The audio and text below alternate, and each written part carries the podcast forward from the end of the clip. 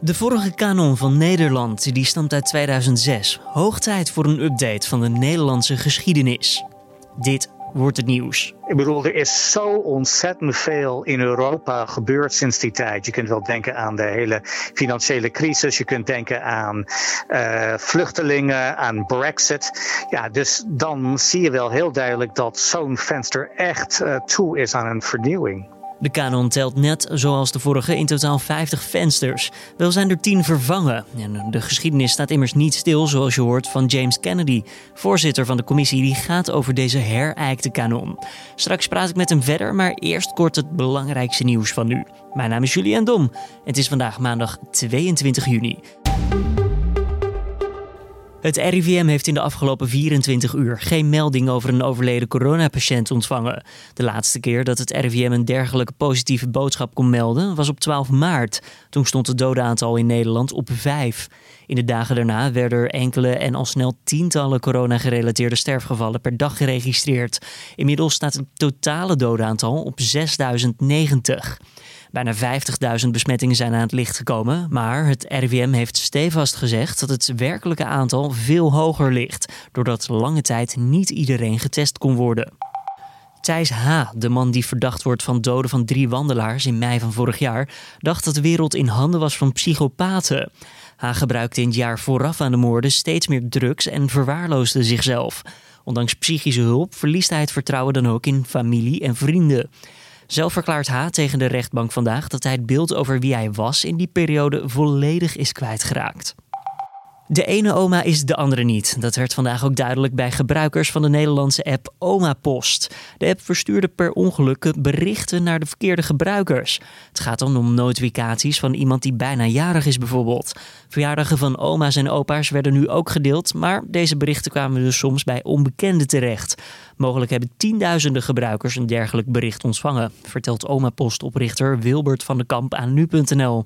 Helaas gebeuren dit soort dingen soms, al dus van de Kamp. De prijs van een bestaande koopwoning lag vorige maand op het hoogste niveau ooit. De gemiddelde verkoopprijs kwam uit op 333.000 euro. Dat meldde het Centraal Bureau voor de Statistiek en het Kadaster. Afgelopen maand lagen de prijzen van koopwoningen 7,7% hoger dan in mei van vorig jaar. Na een piek in augustus 2008 gingen de huizenprijzen gestaag omlaag tot een dieptepunt uiteindelijk in juni 2013. Vergeleken met dat dieptepunt zijn de huizen nu bijna 50% duurder. Jaarlijks worden anderhalf miljoen mensen in Nederland door een teek gebeten. Dat is een toename van 30% in vergelijking met 2010. Dat blijkt maandag uit onderzoek van het RIVM. Het aantal gebeten personen is vermoedelijk toegenomen door de groei van het aantal teken in Nederland. Wat vermoedelijk weer komt door de stijgende temperatuur hier. De meeste mensen worden gebeten in de maanden juni en juli. De helft van alle meldingen die jaarlijks op de website tekenradar.nl binnenkomen, worden in deze twee maanden gedaan. En dan gaan we het hebben over de kanon van Nederland. In Arnhem is deze vanochtend gepresenteerd. Nou, wat is dat nou, deze kanon? Om te beginnen, je schrijft het met een C. Dus geen kanon zoals we misschien van de piratenschepen kennen. Nee, deze kanon vertelt de Nederlandse geschiedenis. Eigenlijk kan je dit het beste omschrijven als een lijst met de belangrijkste gebeurtenissen en personen uit de Nederlandse geschiedenis. In 2006 verscheen de eerste versie en nu in 2020 dus de tweede. Een herijkte versie, kan je wellicht beter zeggen. Aan de telefoon hebben we James Kennedy. Hij is voorzitter van de commissie die met de kanon aan de slag mocht. En eh, ja, meneer Kennedy, als ik het goed heb, u kreeg de opdracht voor deze herijkte kanon rondom de zomer van vorig jaar uit mijn hoofd. Hoe gaat een commissie vervolgens te werk om te kijken wat er nou anders zou moeten? Ja, in de eerste plaats komen we allemaal bij onze eigen verwachtingen van wat er dan eigenlijk zou moeten eh, gebeuren. Wat, ja, maar goed, dan heeft iedereen een wenslijst. En dat is ook niet zo'n hele mooie manier om nou een kanon samen te stellen. Dus in de eerste plaats hebben we gedacht: oké, nou, we willen ook dat er wel meer hoofdlijnen komen. Dus niet alleen vensters, maar hoofdlijnen, die vensters, want er zijn 50 van, die wel wat meer te verbinden. Nou, daar hebben we eerst aan gewerkt en daar waren we dan wel snel uit. Dan hebben we criteria ontwikkeld van nou, wat vinden we nou eigenlijk belangrijk uh, voor, voor nieuwe vensters? Criteria zoals nou, kijken of het nou uh, regionale spreiding uh, bijvoorbeeld is. Zijn de vensters over de verschillende delen van Nederland goed verdeeld? Dus dan hebben we daarnaar gekeken en dan hebben we een selectie gemaakt en met elkaar gedebatteerd over nou ja, welke vensters in, inhoren. En dan laatst dan hebben we dan tien vensters met pijn dan afgevoerd. Tien vensters die dan niet meer aan de kanon zijn. En in hoeverre hebben jullie dan richtlijnen daarvan meegekregen, bijvoorbeeld vanuit de overheid als opdrachtgever? Nou, wij beschouwen geen. Dus wij, die, die richtlijnen die hebben wij zelf bedacht uh, in onze interne uh, discussies. Dus, uh, dus we, hebben, we zijn helemaal niet gaan handelen van wat de overheid wilde. Jullie hadden volledige vrijheid. Ja, en dat is denk ik ook heel erg, uh, heel erg belangrijk. Want er zijn ook wel uh, geschiedeniscommissies in het verleden, en ook niet zo heel lang geleden, waar een vertegenwoordiger was van uh, een ministerie in die commissie. Nou, dat is gewoon, dat kan gewoon niet. En dat is dus ook nu helemaal niet gebeurd. Nou, stamt het vorige kanon uit 2000, de vorige kanon uit 2016.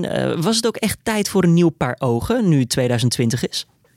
Nou ja, de laatste kanon is in 2006 af, dus het is 14 jaar geleden. Oh, dat bedoel ik. Sorry, excuus. Ja, 2006. Ja, dus, dus ja, de kanon stamt uit 2006. Dus is 14 jaar um, geleden gebeurd.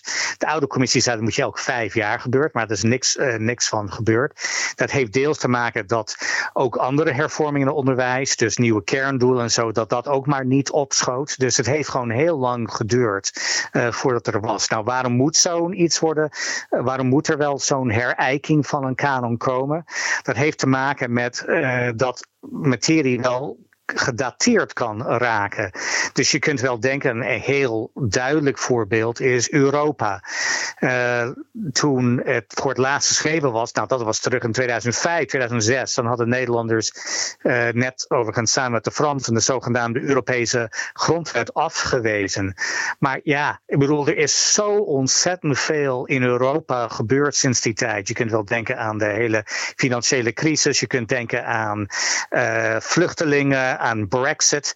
Ja, dus dan zie je wel heel duidelijk dat zo'n venster echt uh, toe is aan een vernieuwing. En ja, in hoeverre hebben de actualiteiten, als we het dan hebben bijvoorbeeld over uh, het racisme-debat, nog invloed gehad op deze kanon?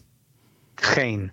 Uh, en dat uh, heeft deels te maken met het feit dat alles eigenlijk al besloten was in de eerste paar maanden van 2020. Dus, dus in die zin viel er ook wel niet zoveel aan uh, te doen, al hadden we dat willen doen. De kanon die lag al een tijdje op de plank. Ja, nou ja, op de plank, dan ben je eigenlijk teksten aan het uitwerken en verfijnen.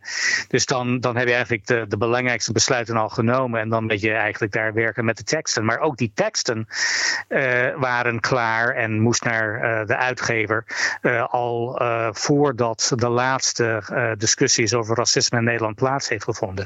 Maar het ander, ander antwoord daarop is, is dat ja, wij moeten natuurlijk een kanon opstellen die dan tien jaar meegaat en en dan wil je dan in die zin niet reageren op iets dat uh, in dat van de laatste weken is. Want je weet niet hoe dat uh, straks over een paar, maanden zou uitpakken. Dus als we nu wel daar iets over zouden zeggen, dan zou het ook wel gauw verouderd uh, raken. Dus ik denk gewoon dat wij ons moeten richten, ook als historici, op lange termijn ontwikkelingen en niet wat er recentelijk is gebeurd. Ja, zoals u zegt, deze kanon die moet dus ja, eigenlijk tien jaar moet die, moet die blijven bestaan. En daarna zegt u, eh, of tenminste heeft u in de media geroepen, per tien jaar moet er even gekeken worden, moet er weer een herijkte versie komen? Moet er weer een nieuw paar ogen op worden geworpen om te kijken, moet er iets veranderen? Ja, nou, dat is wat wij zeggen. Want tien jaar uh, is uh, niet te kort en niet te lang. Um, doe je het wel vaker, dan moeten docenten zich telkens weer nieuw gaan uh, uitrusten met veranderingen in de kanon. En ja, ik denk dat docenten ook wel een beetje met rust moet worden gelaten.